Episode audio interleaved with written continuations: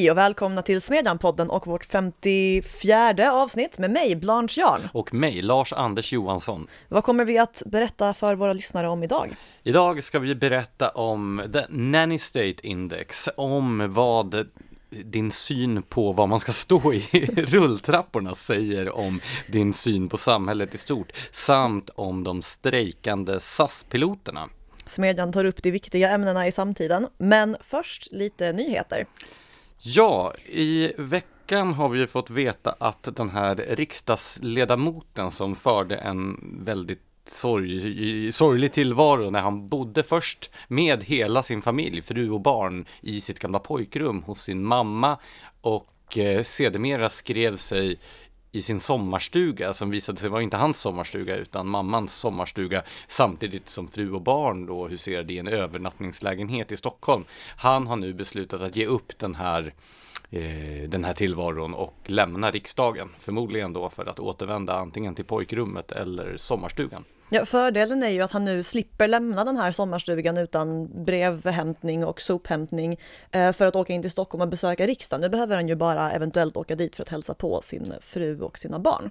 Ja, alltså om den här historien kan man väl säga det att förutom det besvärande i att våra folkvalda försöker utnyttja systemen på det här sättet för att få loss då, jag menar i jämförelse med löneinkomsterna som en riksdagsledamot har så är ju de här förmånerna som det handlar om, det är ju ganska små pengar och det blir ju extra otillständigt på något sätt att man utnyttjar systemet på skattebetalarnas bekostnad för så lite.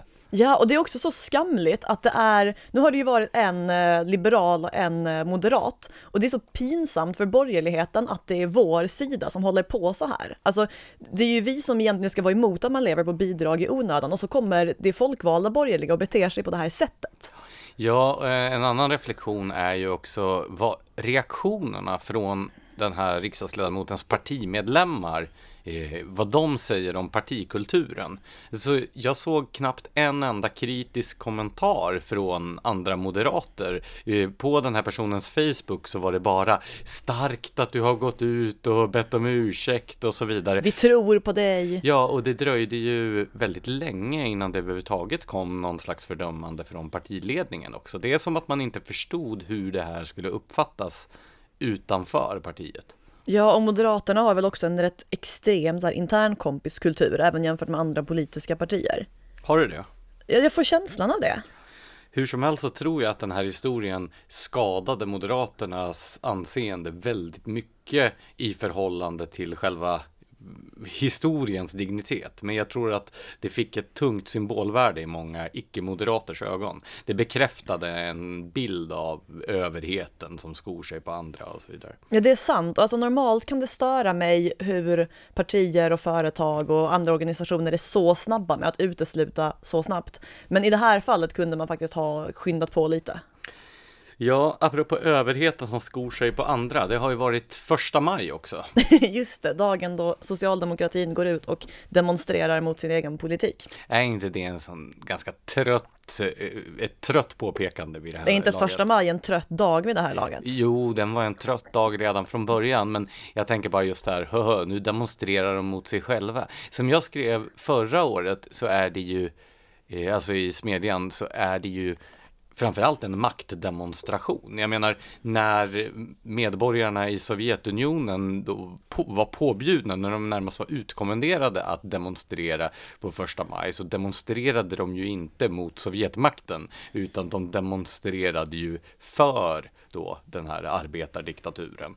Och det är väl lite i det ljuset att eh, det, under alla dessa år som Socialdemokraterna har styrt Sverige så har första maj varit en en manifestation av deras politiska makt. Alltså säkert för partiet, men tror du verkligen att medel-S Svensson som går i de här tågen ser det som en maktdemonstration och inte en allmän protest mot missnöje med inte, nyliberalismen eller någonting? Jo, allting är ju alltid nyliberalismen, så imperialismens som det hette i Sovjetunionens fel.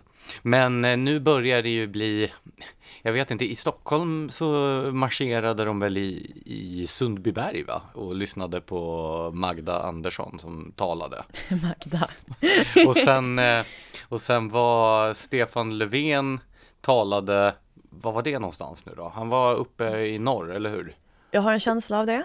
Men han har ju rört, rört upp eh, arga känslor, framförallt hos moderater, sen han då fällde en kommentar i sitt första majtal som var en slags sammanbuntning av moderater och kristdemokrater med högerextremister. Ja, han insinuerade väl att partierna gör sig till kopior av högerextremister. Varför håller han på på det här sättet? Han tänker sig väl att han plockar en del schyssta PR-poäng på det. Ja, eller så är det väl det att den enda gemensamma nämnaren i den här, det här januariavtalet, det vill säga den skakiga grund på vilket vår nuvarande regering vilar, det är ju motståndet mot Sverigedemokraterna och eh, då även högerextremism och då blir det ju mer och mer angeläget. Ju sämre det går för den här regeringskonstellationen, desto viktigare är det ju att hålla ihop och måla upp bilden av detta hot. Men alltså, tänk om han sitter där och faktiskt tror att Moderaterna och Kristdemokraterna är högerextrema. Nej, jag tror det här bara är smutsigt kampanjande. Alltså, Stefan Löfven är ju inte dum. Däremot är han kanske inte så smidig när han försöker genomföra den här typen av smutskastning. Men det var ju verkligen inte ett snygg, en snygg smutskastning. Nej, eh, andra iakttagelser då från eh, första maj.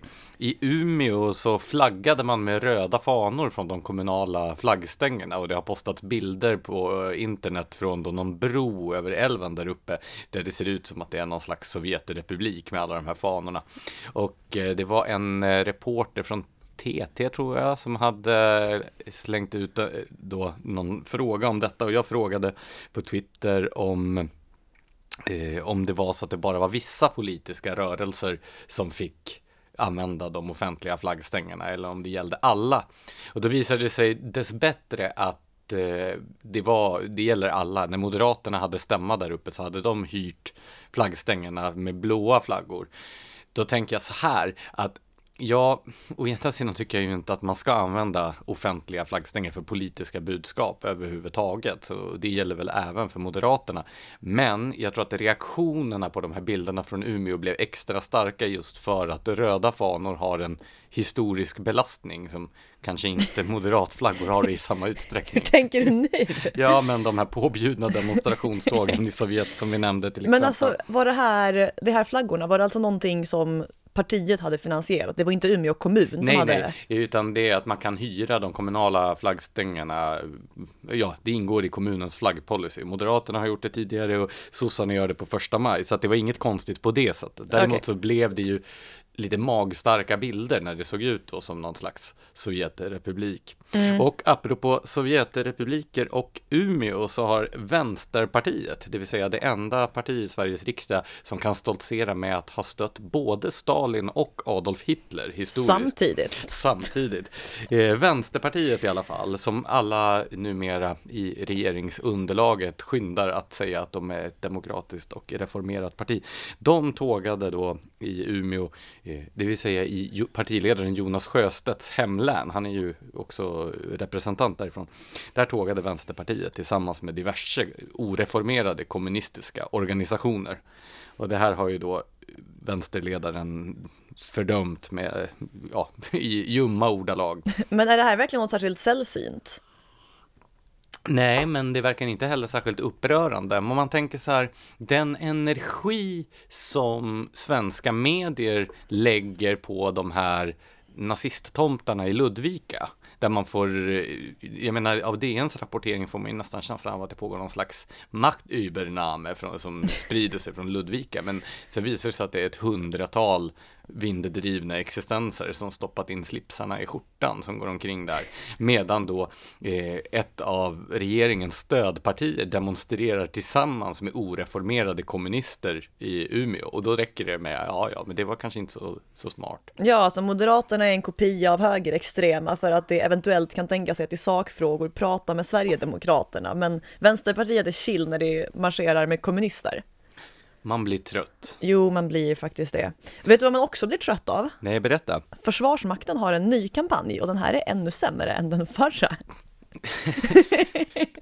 alltså, jag, jag, kände att jag blev lite trött. Men jag, jag har sett den här, eh, den här kampanjen och jag håller med om att man blir lite trött, att det är ständigt detta nervösa fokus på stereotyper och schablonbilder. Att man verkar ju vara mer intresserad av att bekämpa sådana än att bekämpa eventuella fiender.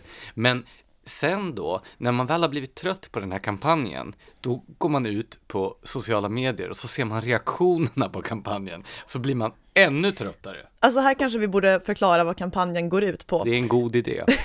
jag har massor av sådana.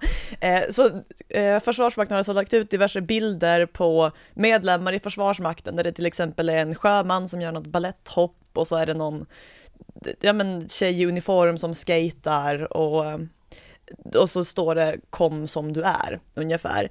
Eh, alltså den vanliga här, trista, vi är inklusiva och etc. Men det som verkligen gjorde mig arg eh, var att det också hade lagt ut följande text. Samhället består inte av 80% män. Därav ska inte myndigheten som skyddar Sverige göra det heller. Och jag känner bara så här, Försvarsmaktens uppgift är att försvara Sverige, inte att sitta och spegla vår befolkningssammansättning på mest korrekta sätt, för det behövs inte. Och alltså, är det verkligen så mycket begärt att Försvarsmakten ägnar sig åt Sveriges försvar och inte åt FIs propaganda? Alltså, det här är ju verkligen identitetspolitisk på, opinionsbildning. Ständigt att ta fokus på representativitet, som om en proportionell representation vore angeläget i alla olika sammanhang. Det, jag menar, den där meningen säger ju egentligen ingenting. Nej, samhället består inte av 80% män, men av det går det ju inte att dra slutsatsen att Försvarsmakten måste spegla samhällets könssammansättning eller andra olika sammansättningar. Det rimliga är väl att Försvarsmakten utgörs av de som är bäst lämpade för att lösa uppgifterna oavsett kön. Och om de vill vara sådär inkluderande, då borde de ju istället enbart fokusera på sin verksamhet och sina uppgifter det som man säger när man, måste, när man gör en sån här kampanj, det är ju att egentligen så är vi extremt exkluderande och därför måste vi lyfta fram särskilt de som avviker från normen. Det tyder på ett extremt dåligt självförtroende, inte att man har schablonbilder som man måste brottas med. Men som sagt, ännu tröttsammare var ju då reaktionerna på den här. För nu är folk upprörda, ja vad, vad var det jag såg i sociala medier? Folk är upprörda för att det är en ballettdansare som fotas i ändå en sjömansuniform. Och jag kan inte förstå vad som är upprörande med det. Men alltså, alltså vem, alltså jag, nej jag fattar inte heller. Om något är det väl ett plus, för man måste ju vara jättestark för att kunna dansa ballett, eller hur? Så det är väl skitbra att det finns liksom fysiskt starka personer i försvaret, eller? Ja, och när jag läste om den här mannen dessutom, så han är alltså en pensionerad ballettdansare. Ballettdansare pensioneras ju tidigt för att kroppen klarar inte av det där mm. eh, så länge. Och han gjorde värnplikten vid 42 års ålder och är nu 45 år och arbetar som sjöman på ett av Försvarsmaktens fartyg. Och eh, det är ju väldigt lovvärt och om man då använder honom i någon slags ballettpose på affischen, so be it. Extremt löjligt att bli upprörd över det. Den andra grejen jag såg att folk var upprörda över, det var att eh, en kvinnlig soldat hade ett eh, sånt här eh, en kvinnosymbol, ringen med ett, ett kors under. Den kemiska symbolen för koppar också. Och visst, den används av av eh, feministrörelser och kan tolkas politiskt, men å andra sidan den, är ju den symbolen är betydligt äldre än eh, vad feminismen är överhuvudtaget. Så jag tycker också det är lite tröttsamt att bli upprörd över det. Sen kan man ju fråga sig om uniformspersonal ska ha symboler överhuvudtaget annat än de som följer med uniformen. Alltså att i reklam smyga in politiska symboler tycker jag inte är helt hundra procent. Fast den behöver inte tolkas politiskt. För alltså så här, i det här sammanhanget med tanke på vilka andra signaler Försvarsmakten skickar och det här citatet jag nämnde så är det rätt uppenbart att det här ska ses som en feministsymbol och jo, den stör mig skitmycket. Det som jag tycker är problematiskt med kampanjen är framförallt de här olika budskapen. Ta det som du nämnde nyss, kom som du är. Nej, poängen med ett uniformsyrke är ju att man inte ska komma som man är. När man går in i den rollen så ska man ju då försöka tona ner allting som är uttryck för individualitet. Det andra budskapet som stör mig, det var detta, försvara det du tror på. Men vad fan! Och det är väl ändå att driva subjektiviteten en aning för långt, för jag menar, det är inte de försvarsanställdas uppgift att försvara det de tror på. Sen om de tror på det de försvarar så är ju det en, en bonus. Det är ett starkt plus. Ja, absolut. Men de ska ju försvara det som deras överordnade säger åt dem att de ska försvara. Ja men alltså jag kan inte steppa in där och bara, nej men jag tror på skånsk självständighet, så det är vad jag tänker försvara här i Sverige. Alltså det funkar ju inte så. Nej, och det är ju också, jag menar, Försvarsmakten kontrolleras ju av folket indirekt genom då den lagstiftande församlingen där var och en av väljarna har en tio miljondels chans att påverka vad som beslutas. Men hur som helst, och då är det ju vad den lagstiftande församlingen ålägger Försvarsmakten att försvara som de ska försvara och inte vad de själva tror på. Försvara det du blir tillsagd att försvara. Ja, för vill man bara ha försvarsanställda som personligen tror på det som den lagstiftande församlingen för närvarande har beslutat. Det blir väldigt komplicerat. Så att budskapen är ju mycket mer problematiska. Bilderna har jag inte så mycket synpunkter på. Nej, det är sant. Men det är det inte alltid sådär. När det händer någonting tröttsamt, någon gör någonting löjligt. Och så kommer det reaktioner på det här som är ännu löjligare. Ja, alltså just i försvarsfrågor känns det här också extra utpräglat. Man blir trött. Jag vet inte hur många gånger du har sagt det nu, men ska vi försöka prata om någonting som inte gör dig lika trött? Ja, veckans artiklar i Smedjan är ju ett ämne, en ständig källa till glädje.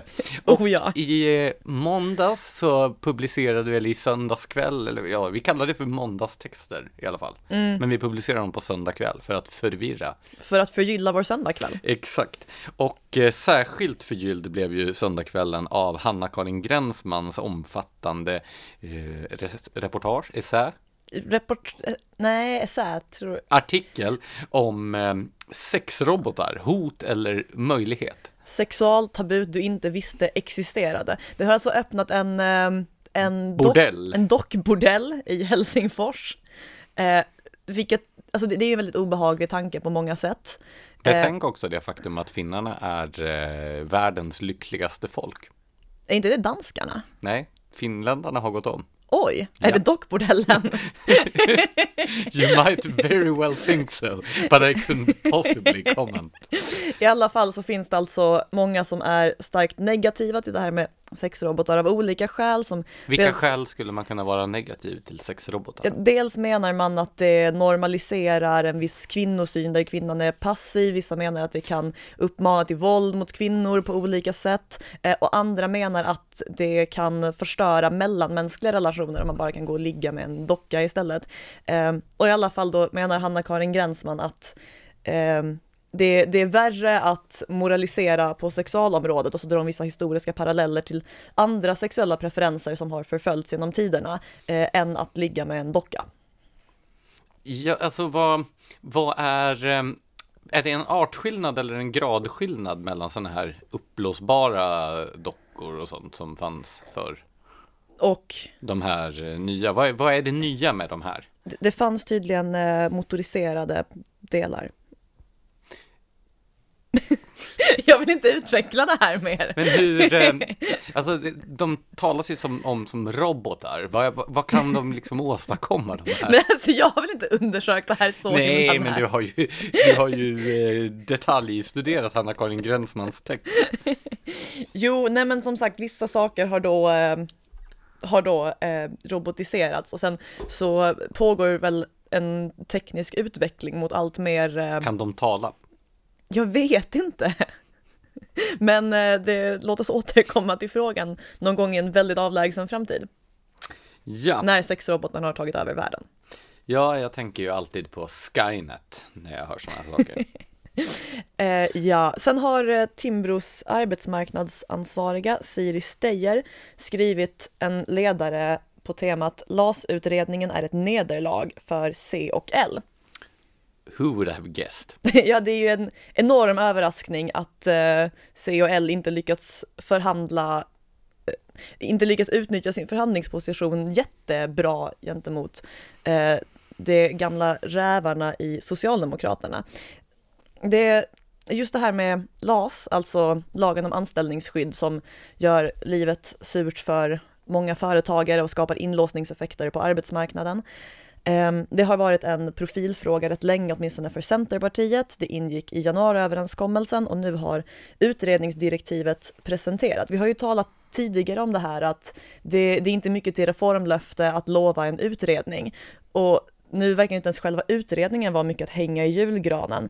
Eh, Siri skriver att den knappast kommer att leda till någon betydelsefull reform och dessutom så har Socialdemokraterna slängt in instruktioner att se över hur arbetsgivarnas ansvar för kompetensutveckling och omställningsförmåga kan ökas, vilket ju riskerar att bli väldigt dyrt. Så till alla stora överraskning är det här ett fiasko för C och L. Ja, dem är att beklaga. Mm, den såg man inte komma. Så, ska vi gå in på dagens huvudämnen? Eh, du har skrivit om detta årliga Nanny State Index som det är väl det här tankesmedjenätverket Epicenter, ett europeiskt tankesmedjenätverk som består av eh, marknadsliberala och frihetliga tankesmedjor av olika slag som har eh, satt samman detta för hur många år är det de har hållit på med det? Kommer du ihåg det? Om jag minns rätt så kom den första upplagan 2006. 2008 var en specialupplaga då man granskade hur olika länder betedde sig i, inom EUs lagstiftningsmaskineri. Och mannen bakom detta det är Christopher Snowden som Precis. du har intervjuat i Smedjan 2017 om jag inte minns fel. Yes, en intervju jag varmt rekommenderar som jag tror heter Förr eller senare kommer barnvaktstaten att gå för långt. Vilken lång rubrik. Jo men bra. Men eh, det här, visst började projektet, om jag inte missminner mig, eh, på IEA, alltså brittiska tankesmedjan Institute of Economic Affairs, som Yes. gjorde en sån här undersökning av eh, barnvaktstaten i Storbritannien och hur man hade vad var det de kallade det? Sin taxes. Det vill säga straffskatter på, sån, på syndiga njutningar. nu är vi tillbaka på de här robotarna igen och deras Nej, vi är inte tillbaka på motoriserade robotarna. delar. Det här handlar alltså om, eh, vad, vad det här eh, indexet tittar på är eh, hur alkohol, tobak, e-cigaretter och mat regleras. Så det är lite, det är en annan typ av njutningsmedel. Det är syndigt att äta. Alltså om det är för god mat, det är ju helt okej med en caesarsallad liksom. Men eh, det finns ju exempel på skatter på både fett och socker, vilket ju är de bästa beståndsdelarna i olika typer av mat. Jag tänker ju på Paulus och eh, den som inte vill arbeta ska inte heller äta. Det vore väl rimligare då istället att man undanhöll mat från de som inte arbetade. Än att man straffbeskattade maten för de som arbetar. Jo, jo det, alltså ny och fräsch vinkel på frågan, absolut. Det var, det var Lenin som lät sätta upp det här bibelcitatet i de sovjetiska fabrikerna. Snacka om plot twist. Ja, eh, Så hur som helst. Nanny State Index Ja. anno 2018, 19. 19. Det är 2019 Men i är, år. in- jo, men är inte undersökningen gjord 2018? Eh, Som jag förstår det så iakttar man vilka regleringar som är i kraft vid årsskiftet. Så eh, indexet för 2019 gäller det, den lagstiftning som fanns i kraft i EUs länder eh, i början av 2019. Och det är alltså bara EUs medlemsstater som är med, eller? Precis. Så eh, Norge, en av de mest extrema barnvaktstaterna, ingår inte i undersökningen. Nej, och det är nog tur för Norge. Jo, men synd för oss. Jo tack, fast grejen är att Sverige som inledde starkt på en andra plats efter Finland nu har halkat ner till en överraskande åttonde plats. Eh, och det skulle man ju kunna tro är någonting positivt, men Man det är det skulle inte. kunna tro det. Men det är inte. Eh, det här beror nämligen inte på att Sverige har blivit det minsta bättre, utan på att andra länder har blivit ännu sämre. Vi har helt enkelt blivit omsprungna på ett av de områden där svenska politiker annars brukar vara väldigt eh, mycket i framkant. Ehm, och det här är alltså när väldigt jag hör ordet framkant. Ja. ja. Jag vet, jag vet, för av någon anledning så ökar den här ivern att vara i framkant när det är någon sorts tävling mot botten. Alltså ju sämre det man strävar efter är, desto ivrigare verkar våra politiker bli att vara världsledande och ligga i framkant. Jo, men är inte framkant nästan alltid en omskrivning för att man försöker inskränka människors frihet med hjälp av deras egna pengar? Yes. Ja. Ehm, så, ehm, risken här är alltså att eh, Sverige, eller rättare sagt våra politiker, känner av den här konkurrensen eh, och eh, försöker kämpa sig tillbaka till en ledande plats i den här lagstiftningsligan. Eh, vi vet ju redan nu att Sverige nästa år kommer att ha en betydligt alltså om inte en värre placering på listan så i alla fall värre lagstiftning eftersom eh, ju till sommaren det omfattande rökförbudet träder i kraft vid idrottsplatser, lekplatser, busshållplatser, tågperronger eh, och uteserveringar. Eh, och eh, det statliga monopolet, eh, om allt går som regeringen tycker att det ska, kommer att träda i kraft även vad gäller den harmlösa alkoglassen. Eh, därtill diskuteras ju om vi om vi tänker oss lite längre sikt här, eh, utökade punktskatter. Eh, bland annat så föreslogs sockerskatt på Socialdemokraternas kongress tidigare i år tillsammans med ett rökfritt Sverige 2030, vilket ju inte kan uppnås utan förbud, inte heller med förbud förstås, men fortfarande. Eh, och att den som motionerar regelbundet ska få fler semesterdagar. What? men det här har vi ju pratat om. Jag tror till och med vi kan ha pratat om det i podden om jag förstod det här förslaget rätt så skulle även eh, eh, träning kunna vara en sorts kriterium för löneförhöjning. Jättemärklig. Men hur ska man kontrollera detta?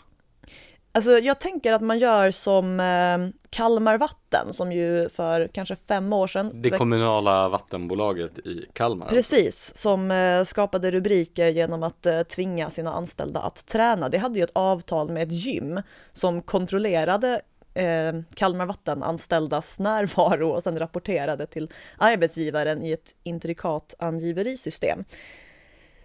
Eh, Förresten, vad gäller det här indexet så tycker jag också det kan vara värt att nämna att det är viktat på ett sätt som inte alltid riktigt speglar vilka frihetsinskränkningar som påverkar flest människor mest. Och det här gör att Sverige egentligen borde ligga sämre till jämfört med många andra länder. Ett exempel är att eh, förbudet mot mängdrabatt på alkohol, du vet så här happy hours där man tar två till priset av en. Eh, det förbudet anses väga dubbelt så tungt som det statliga monopolet på alkohol och det speglar ju knappast hur människors frihet begränsas av de olika eh, av de olika, den olika, de olika policy vad är ordet jag letar efter här egentligen? Ni förstår alla vad jag menar. Eh, jag förstår inte riktigt vad du menar. Okej, okay, men vi kan ta det sen, för jag utgår från att våra lyssnare har stenkoll. Okay. Eh, det är hur som helst vältajmat att det här indexet släpptes just på sista april, eh, då många ägnar sig åt flera av de saker som barnvaktstaten gärna vill hindra oss från att göra, exempelvis konsumtion av alkohol, eller för den som inte dricker alkohol, lite läsk. Ehm, Var du ute och firade sista april i år? Nej, alltså jag känner mig ju eh, otrogen om jag firar sista april utanför Lund. Ja, eh, för jag tänker under studieåren i Uppsala så deltog jag i det här firandet och då så hörde det ju till, eh, alltså ett självklart inslag var ju att man satt ute i parkerna och hade picknick och kanske drack enheter av alkohol och så mm. vidare. Och nu har jag sett på nätet att polisen har gjort en gigantisk förbudszon av hela centrala Uppsala där man då inte får dricka alkohol på allmän plats. Och jag var inte i Uppsala nu så jag har inte sett hur det här efterlevs men jag tycker ändå att det är märkligt. Alltså, alltså om det efterlevs då har ju Uppsalaborna förlorat. Ja, alltså jag förstår om man har synpunkter på om människor beter sig illa, förstör saker, skräpar ner och så vidare. Men att människor sitter i en park och har picknick och dricker en flaska vin eller 15 bärs, det är liksom, jag förstår inte hur det kan vara ett problem. Nej, alltså i Lund så, vad jag vet har inget liknande skett där heller, men däremot så överraskade Systembolaget eh, något, något år med att eh, helt enkelt hålla stängt sista april. Bara för att, som inte skulle kunna få tag på någon alkohol. Fast... Det här var alltså bara inne i Lund. Jo, men så har det varit i Uppsala i alla tider. Eh, och eh, det här skapar ju ett Men enorm... vad då brukar det vara öppet på Systembolaget i Lund? Alltså vad jag menar med överraskning var att jag inte hade väntat mig den naiv som jag var på den tiden och blev överraskad. Okej, okay, eh, för så är det alltid i studentstäderna vad jag förstår. Det där är provocerande. Men eh, istället kunde man ju ta bussen till eh, Dalby och eh, sabotera pendlingen för de stackars människorna som bodde där och köpa sin öl där istället. Ehm, Men du vet vad jag har sagt om detta, man ska ju inte köpa alkoholen i direkt anslutning till att den konsumeras, för då är man ju, då har man ju riskexponerat sig själv. jo, det är sant, men jag tror inte alla studenter vill upplåta så här halva sitt korridorsrum åt ett spritförråd. Det tror jag. Okej. Ja, Vad känner, vad känner du för studenter egentligen? studenter med väldigt små rum. Eh, Men hur som helst, eh, ska vi återgå till, till Nanny State Index Eh, lite? Som av en händelse lanceras Nanny State Index i anslutning till sista april. Där var vi innan jag avbröt dig och vi, seglade Innan iväg. det urartade. Ja, nej men poängen jag ville komma till var via omvägar att folk verkar ju bli lite mer medvetna om den här sortens politik och lite mer missnöjda med den i takt med att staten blir, eh, blir aggressivare i de här frågorna. Eh, visserligen så har, har något så exotiskt som avskaffade Alltså avskaffad och bromsad lagstiftning inträffat i alla våra grannländer. Eh, Norges sockerskatt, Danmarks fettskatt, Finlands sockerskatt och nu senast även Finlands starkölsmonopol. Det får man ju nu köpa på ICA. Eh, men sa jag att finländarna har rankats som världens lyckligaste folk?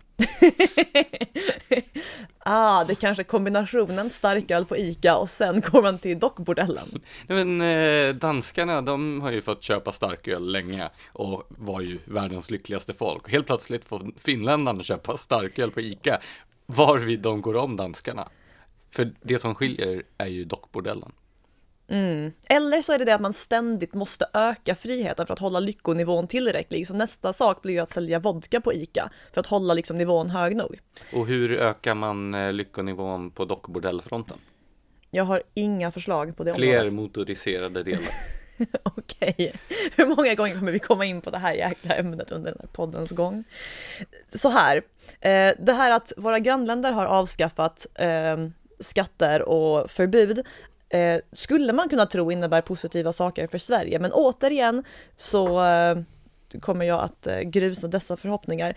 Eh, det finns nämligen flera intressanta kulturella skillnader mellan Europas länder som man kan iaktta rätt tydligt i just Nanny State Index. Det finns liksom två huvudsakliga, eh, två huvudsakliga kulturella eh, parametrar som avgör med hyfsad liksom, säkerhet var på det här indexet ett land kommer befinna sig. Det första man kan iaktta är att protestantiska länder är betydligt mer benägna att reglera och straffbeskatta och förbjuda än eh, katolska länder, vilket väl har att göra med den här eh, renlevnadsläran. Och, alltså en katolik kan ju göra lite vad som och sen gå och bikta sig och då är det egentligen okej. Men så kan ju inte en protestant Eh, bete sig. Eh, men det finns dock undantag från det här, där till exempel Tyskland är framträdande. Det är ju ett protestantiskt land, men, men relativt frihetligt jämfört med andra europeiska länder. Och det har att göra med den andra skiljelinjen, nämligen att länder i öst är mer frihetliga än länder i väst på det här området. Det har i sin tur förmodligen att göra med att man i öst har en eh, starkare och mer nutida erfarenhet av ett ganska kraftigt statligt förtryck där staten försökte styra liksom minsta lilla detalj av ens eh, privatliv än vad man har i väst. Eh, och då uppstår förstås en naturlig misstänksamhet mot eh, statliga försök att kontrollera människor. Eh, sen finns det tyvärr undantag på det området också. Alltså Litauen eh, läste jag nyligen har infört så extrema alkohollagar på sistone. Ganska så out of the blue eftersom det var ett relativt frihetligt land innan. Eh, bland annat har det höjt åldersgränsen för att dricka till 20 år, eh, begränsat öppettiderna och förbjudit all alkoholreklam. Eh, det har också infört en sån här regel att efter åtta på kvällen på veckodagar och tre på eftermiddagen på söndagar så får alkohol inte säljas, alltså man får inte köpa hem alkohol, man måste dricka det på plats. Eh, Så då har nattöppna affärer installerat provisoriska bardiskar eh, och börjat sälja öl, vin och vodka i halvliter behållare med en liten deposition på ett par euro så att folk inte ska gå iväg. Med andra ord, folk köper de här behållarna och går hem med dem. Och det här visar ju tydligt, dels att sån här politik aldrig funkar. Folk kommer alltid att hitta en väg runt det. Alltså till och med om man förbjuder saker helt, som under förbudstiden i USA, så kommer folk fortsätta med det. Det blir bara besvärligare för människor. Ja, det är en eh, förmodligen korrekt iakttagelse. Förmodligen.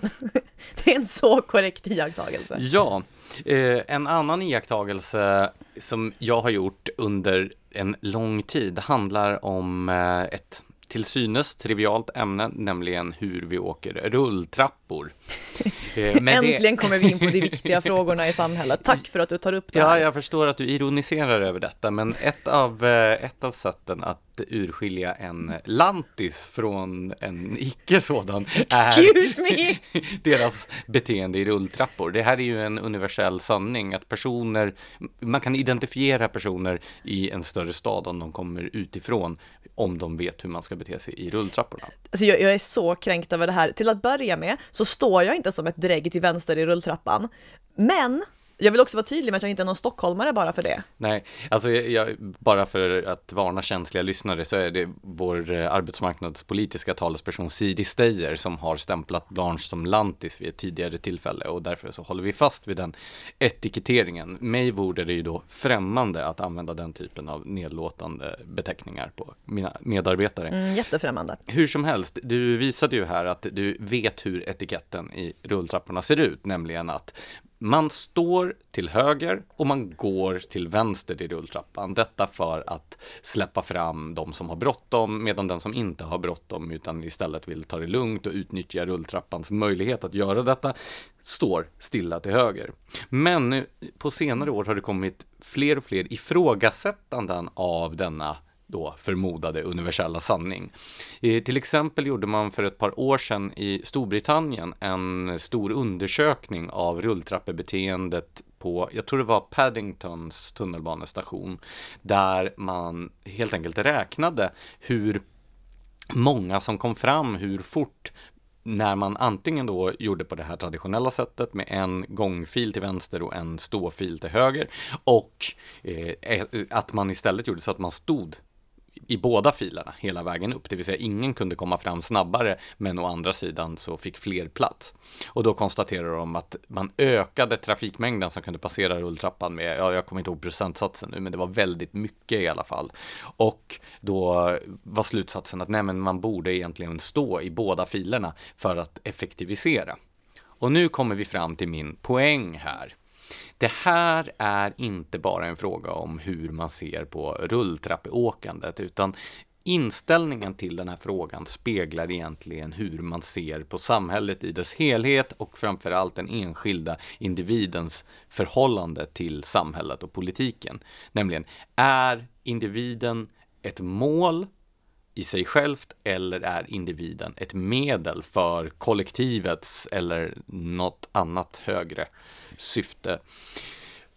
Och den här teknokratiska kollektivistiska inställningen, den gör ju då gällande att nej, men ingen ska få sticka ut, alla ska färdas lika snabbt upp i rulltrappan. Det ska inte finnas en val, ett val att eh, gå i vänsterfilen, för då kommer fler att komma upp snabbare. Medan då den som betraktar individen som ett mål i sig värnar den här möjligheten att antingen resa långsamt upp och ta det lugnt eller att kunna gå snabbare fram till vänster. Ja, alltså finns det inte en djupare botten i det här också? I att det ena systemet så har någon bestämt att prioriteten för alla ska vara att komma upp så snabbt som möjligt i snitt. Men i själva verket har ju olika människor olika prioriteringar där vissa vill stå still och inte ha bråttom och andra verkligen har nytta av att kunna vinna de här extra sekunderna. Och det är ju så i alla system av den här typen att politiker bestämmer att det här bör människor vilja sträva efter, exempelvis nykterhet och rökfrihet. Eh, och sen så ska det liksom efterlevas oavsett vad de här människorna egentligen själva vill. Ja, och eh, jag drar ju då ett antal paralleller till kanske lite allvarligare samhälleliga frågeställningar än hur vi åker i rulltrapporna. Eh, några sådana här paralleller är stadsplaneringen, trafikplaneringen och bostadspolitiken, där de här två olika synsätten hamnar på total kollisionskurs. Om vi tar då stadsplaneringsfrågan, där anser ju te de teknokratiska kollektivisterna, om vi, om vi håller oss till Stockholmsområdet då, så anser de teknokratiska kollektivisterna att det enda syftet med en stad är att knö in så många bostäder som möjligt på så liten yta som möjligt. Och därför så ska alla andra funktioner i staden utplånas. Grönområden, idrottsanläggningar, friluftsområden och alla allting annat ska försvinna. Det här ser jag i mitt eget närområde och i många andra ställen runt om i Stockholm. Så, eh, det vi förväntas göra är att bo och arbeta. Det är den tillvaro vi ska föra enligt teknokraterna. Fast är det inte också okej med stora öde betongklädda ytor? Du menar mötesplatser? Mötesplatser, exakt, sådana får man ju ha. Ja, nej, för de, även de ska ju förtätas och ska man knyta in bostäder. Eh, medan då det andra synsättet frågar ju, ja men varför, hur vill människor leva? I vilken typ av miljö vill människor leva? Var trivs man? Och istället planerar man då städerna att man planerar med nya områden av samma slag. Människor flyttar ju dit där det finns rekreationsmöjligheter, där det finns grönområden, närhet till natur, till handel, till alla möjliga saker. Inte bara till sovstäder med så många bostäder som möjligt. Enheter för boende. Ja, exakt. Eh, när det gäller trafikplaneringen så är de här synsätten ännu tydligare. Inte minst handlar det naturligtvis om synen på bilismen som vi har skrivit om och åtskilligt i smedjan tidigare. Där då de kollektivistiska teknokraterna använder argument som att nej men biltrafiken tar upp onödigt mycket yta i städerna. Men alltså hur, hur går det då tillväga för att komma fram till att det är onödigt? Vad är en nödvändig yta för biltrafik? Exakt. Nej, men de menar ju att trafikens enda syfte är då att likt de här eh, teknokraterna i tunnelbanan så är trafikens enda syfte att transportera så många människor så effektivt som möjligt. Sen om det sker på sätt som de här människorna inte efterfrågar, det är helt irrelevant för individen är inget mål i sig. Det vi kan se nu på senare år är ju att efterfrågan på individuell biltrafik ökar hela tiden medan då eh, ett annat individuellt färdmedel som istället propageras för av teknokraterna, nämligen cyklingen, minskar hela tiden. Så människor efterfrågar uppenbart inte cykling i samma utsträckning som eh, de efterfrågar att ha en egen bil, kunna köra den och kunna parkera den. Men då tycker teknokraterna att nej, men man ska inte ta hänsyn till människors egna önskemål och möjliggöra att de lever på det sätt de vill, utan teknokraterna vet bättre vad som är syftet med människors olika färdsätt och därför ska man försöka styra om dem till färdmedel som de inte vill ha. Ja, och alltså det finns ju massor av syften som bil bättre uppfyller, exempelvis att så här, ta sig fram snabbt, att ta sig fram torr när det regnar, att ta sig fram, jag vet inte, alltså det, det är ju mycket säkrare att åka bil också än att cykla, eller hur? Ja, det är det ju. Eller så här, det sker ju fler olyckor i biltrafiken, men det är ju för att biltrafiken är mycket mer omfattande. Det, det är ju fler som kör bil. Men biltrafiken ökar på grund av ökad efterfrågan och då borde ju då borde ju trafikplanerarnas, stadsplanerarnas uppgift vara att se till att den fungerar så bra som möjligt. Sen tycker jag naturligtvis jag att det är jättebra om människor cyklar. Det finns massor med fördelar med det också. Jag har ingenting emot cykling som sådant. Jag cyklar ju själv till jobbet.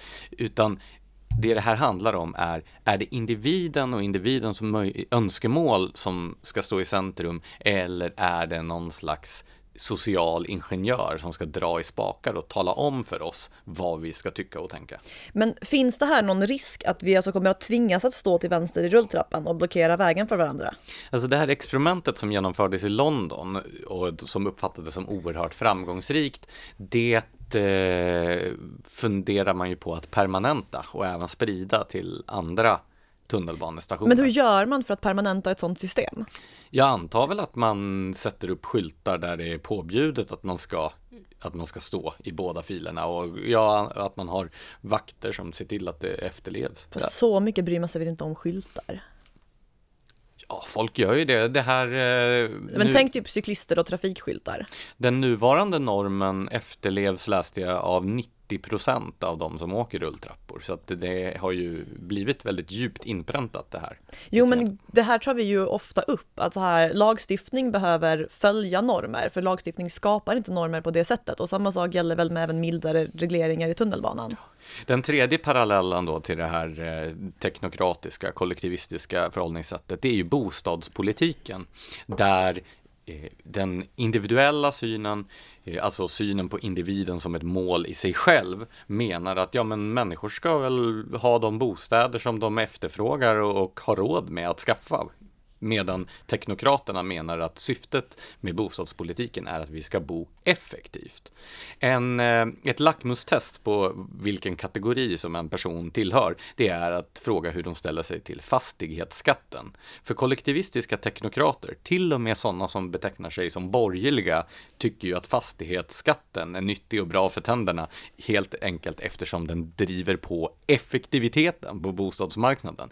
Vi ska... Alltså det här är så obehagligt. ja, eh, Eh, och när de säger det, när du hör en teknokrat som säger att nej men det är jättebra med bostads eh, med fastighetsskatt för det skapar en flexiblare eh, bostadsmarknad och motverkar så kallade inlåsningseffekter. Det de menar då, det är att man ska straffbeskatta till exempel änkor så att de drivs ut ur sina då ineffektiva boenden när deras makar har dött eftersom man då tycker att de bor för stort. För då har teknokraterna räknat på vad som är den ultimata kvadratmeterytan per person.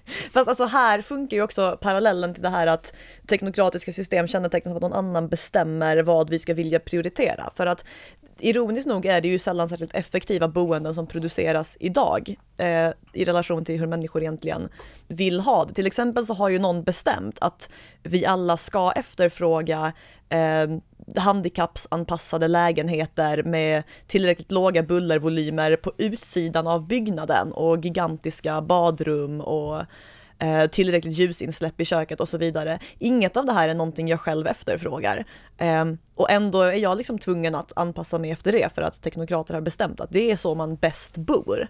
Som om det vet någonting om det. Ja, och för att ta ett argument från det här med med eh, trafik och stadsplaneringen, då tycker ju människor att det är onödigt att man ska ha en bil eftersom ja, men du använder den bara några timmar om dygnet och annars står den där bara. Och då tänker jag så här, hur många timmar om dygnet använder du ditt kök, Blanche?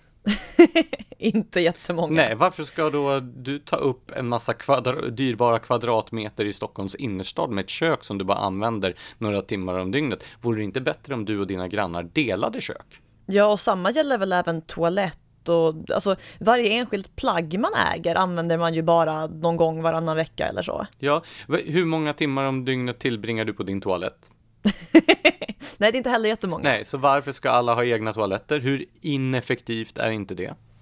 Alltså det där... Eller ta detta med, med ens säng. Om vi säger att man sover åtta timmar, I wish, eh, så jag menar, då skulle ju tre personer kunna använda samma säng om de då delade på den över dygnet. Åh, vad vidrigt.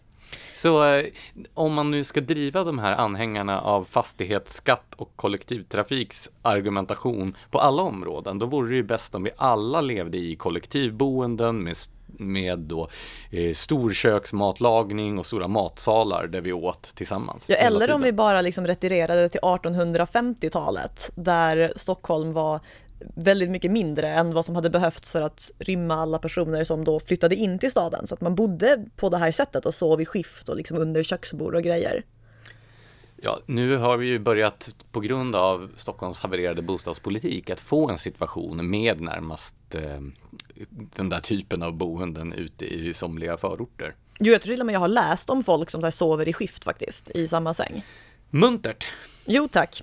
Men slutsatsen är i alla fall, om, hur du ser på åkandet i rulltrappor avslöjar om du är en kollektivistisk teknokrat eller en frihetsälskande människovän. That's right! Och ja, eh, med det sagt eh, går vi vidare till de strejkande SAS-piloterna. Ja, precis. Alltså, eh, SAS-piloter har då gått ut i en strejk som drabbat många tusentals resenärer. Orsaken till strejken är bland annat att piloterna kräver en 13-procentig löneökning. Om du tror att det låter mycket så är det fortfarande en halvering av det 25 procent det ursprungligen krävde. Eh, samt kortare arbetstid och mer förutsägbara scheman. Samtidigt tjänar dessa piloter redan väldigt mycket pengar. Eh, I genomsnitt får de ut 93 000 kronor om man räknar både lön och traktamente och vissa andra tillägg som till exempel chefstillägg. Um, Men här... lönerna låg någonstans runt 60 eller hur? Var det väl? Jag har sett lite olika bud om det här. Grejen är att... Eh... Det är ändå anmärkningsvärt. Det är ju nästan som riksdagsledamöter. Ja, det är jättemycket pengar. Eh, grejen är att det här 93 000 är SAS egen uppgift och facket har ifrågasatt den eftersom de inte vill att man ska räkna med traktamenten. Men det är inte presenterat någon alternativ siffra utan det är väl bara att tala om ingångslöner och, och högsta löner. Eh, det närmaste ett ifrågasättande av själva siffran jag har hittat är ett uttalande från fackförbundet Svensk pilotförenings ordförande Ravas Nermani som säger att siffran ger en oärlig och osann bild av situationen. Och det är inte konstigt att facket gör allt vad det kan för att tona ner piloternas höga löner eftersom dessa höga löner gör piloternas case väldigt svagt. Alltså, grejen är att en strejk är inte bara en kamp om ekonomin, även om det i grunden är det det handlar om, utan det är också en kamp om opinionen. Och när det som drabbas av strejken själva har det sämre än det som strejkar för att få ännu bättre förutsättningar, då blir det liksom väldigt svårt att sympatisera med det strejkande. Hur menar du då?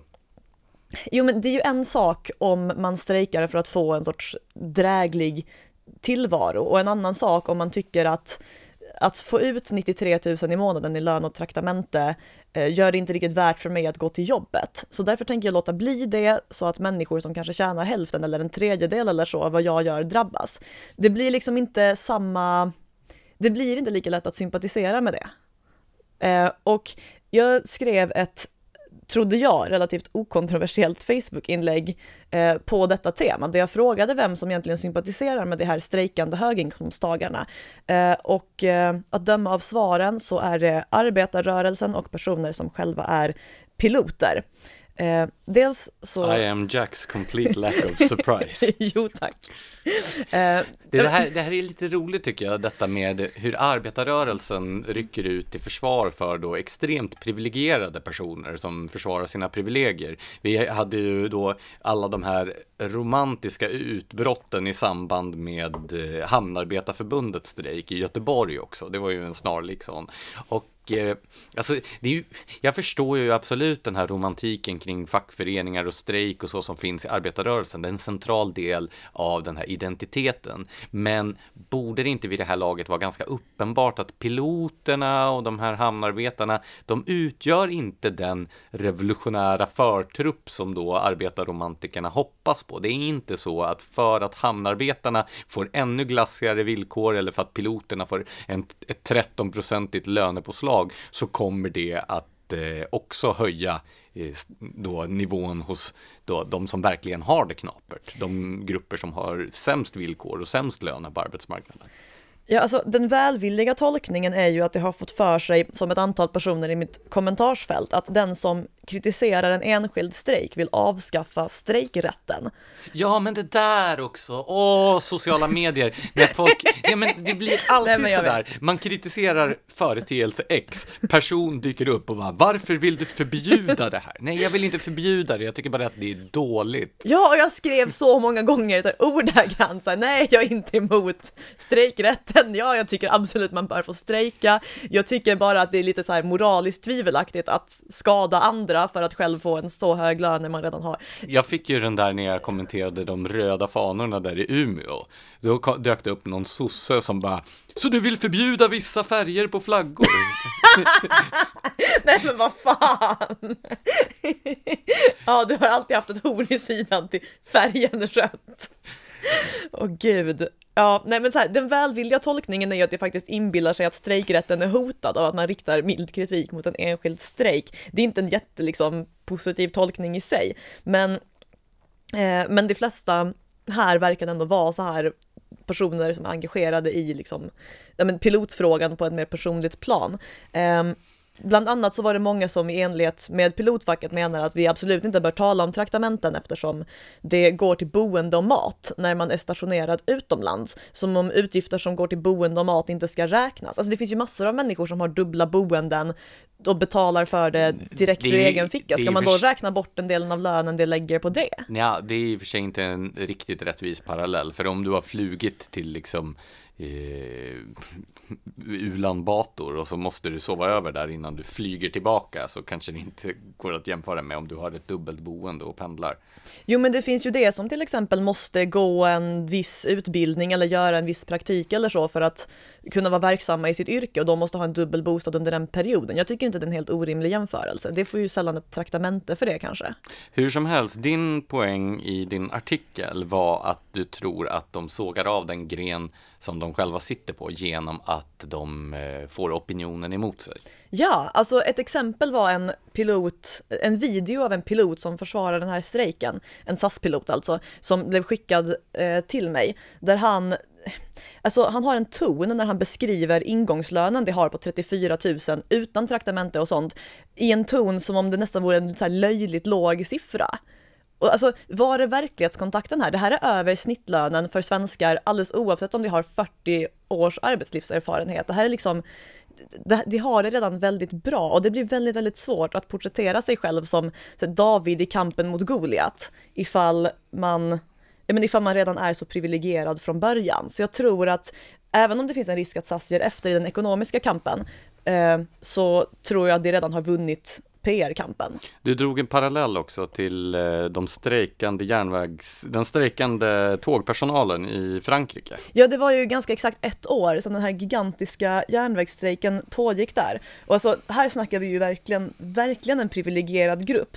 Det som är anställda vid SNCF, alltså Frankrikes motsvarighet till SJ, har till exempel en livstidsanställning och en pensionsålder på 52 år. Och vad som gjorde dem så otroligt provocerade var att president Emmanuel Macron ställde det relativt modesta kraven att det som anställs från och med 2020 inte ska ha livstidsanställning och att det som har mer än fem år kvar till pension ska få en höjd pensionsålder till 62 år. Um, och det, det, här är ju, alltså parallellen här är rätt relevant eftersom opinionsmätningar i Frankrike konsekvent visade att stödet inte låg hos järnvägsfacket eftersom det drabbade jättemånga människor som bara försökte ta sig till sitt jobb för att få vad som uppfattades som en extremt privilegierad ställning, att få behålla den. Så um, får, jag, får jag dra en riktigt kass ordvits här? Absolut. Okej, okay. jag kom på den under sista april, så liksom så. Men okej, okay, för det första så borde piloterna komma ner på jorden. Redan där är det kul. Men för det andra så borde det sen komma upp i luften igen. Det var inte ens en vits. Eh, med all respekt för din artikel, men jag tycker ändå att Dagens Industris ledarsida hade den bästa rubriken angående den här strejken. Ouch. Eh, den löd Ni har hög lön och bra villkor, sluta strejka. Kom ner på jorden. Nej, det, så skrev de inte. Nej, men det kanske borde. Jag tycker jag var rolig ja, i alla fall. Nu har vi i alla fall kommit till det viktigaste i dagens avsnitt, nämligen eh, utfallet i vår tävling. I jubileumsavsnittet förra veckan så presenterade vi ju Smedjans första eh, klädkollektion. Nämligen den av eh, satirtecknaren Martin Jakobsson designade Ingen offerkofta t-shirten. Yes, även mitt första modelluppdrag någonsin. Och kanske ditt sista. Förmodligen mitt sista. Eh, I alla fall, vi eh, bad folk att eh, rekommendera en person som borde få den här tröjan och då ska vi göra vårt bästa för att skicka tröjan till den personen. Men även han eller hon som nominerar personen ska få en tröja som belöning för sin insats. Vi fick in en hel del bra förslag. Eh, en favorit är ju personer som skamlöst nominerar sig själva. Men vi, vi har utsett en vinnare. Vill du presentera honom? Ja, precis. Alltså, det var ju många här som föreslog andra personer som de tyckte skulle få de här tröjorna. I vissa fall var vi tvungna att avskriva förslagen på grund av att det helt enkelt var vänsk- skulle framstå som vänskapskorruption eftersom vi känner personerna som nominerades. Eh, men vi tyckte ändå att vinnaren eh, han, det, ironiska är att han nominerar ju ingen person. Nej, men han gör någonting mycket bättre. Ja. Han tar ställning. Ja, och det ska man ju göra nu för tiden. Eh, det är nämligen så, ska, ska jag säga vad han heter? Säg vad han heter. Han heter Björn Alinder och han skrev kort och gott så här. Jag är stolt kapitalist, var fan köper jag t-shirten? det där är en så bra inställning. Precis. Den måste belönas. Ja, in, ingen som bara vill ha någonting gratis på andras bekostnad. Han vill köpa sin t-shirt och det tycker vi ska belönas. Det här är precis som att den som vill vara kung inte bör vara kung. Den som vill ha t-shirten. Nej, men det är den... Du menar den som vill vara Socialdemokraternas partiordförande ska inte... Här, den som är beredd att betala för t-shirten förtjänar ju den extra mycket. Så är det, absolut. I ett fritt samhälle betalar man för sig. Utom då Björn Alinder som, som- får den gratis. Så Björn, om du eh, lyssnar på detta, skicka ett mail till mig, lars.anders.johansson.timbro.se med eh, din adress och vilken storlek du vill ha på tröjan så ordnar vi detta. Och eh, till andra som är intresserade av att köpa den här t-shirten så kommer vi att återkomma med instruktioner till eh, om eventuell försäljning. Och så. Alltså inte, inte Björns exemplar då, utan, utan ah, likadana exemplar. Bra Eh, förtydligande. Ja, eh, avslutningsvis då, läsarkommentarer. Då har jag fått ett långt mejl här på morgonen från en Anders Falgren som skrev så här. God förmiddag. Att behöva stå till höger i tunnelbanetrappan är lika konformistiskt som att behöva stå i bredd, det vill säga en till vänster och en till höger. Friheten att få besluta själv i en så trivial och betydelselös fråga är att stå till vänster om man så önskar eller till höger om det känns bättre, ibland till och med två i bredd om det känns bra. Är det månne något som missats i betraktelsen? Nej, Anders Wahlgren. För det första har du fel. Det är inte alls lika konformistiskt att man har ett alternativ där människor kan gå upp i sitt eget tempo och ett där människor står stilla och bereder plats åt andra. Det är ungefär som detta med att man har ett omkörningsfält på motorvägen. Det är ju till just för att man ska kunna köra om de fordon som ligger till höger. Nej, det vore mycket mer frihet om man då kunde köra två, tre i bredd, om bara två, för att man kände om för två det. långtradare eller två husvagnsekipage som då tuffar fram i 90 km i timmen skulle ligga i bredd så skulle det tvinga alla andra att också köra i 90 km i timmen på motorvägen. Alltså är hela din premiss felaktig. Å andra sidan så kanske det förklaras också av att fortsättningen på mejlet beskriver hur du åkte tunnelbana för 24 år sedan senast när du jobbade i Stockholm.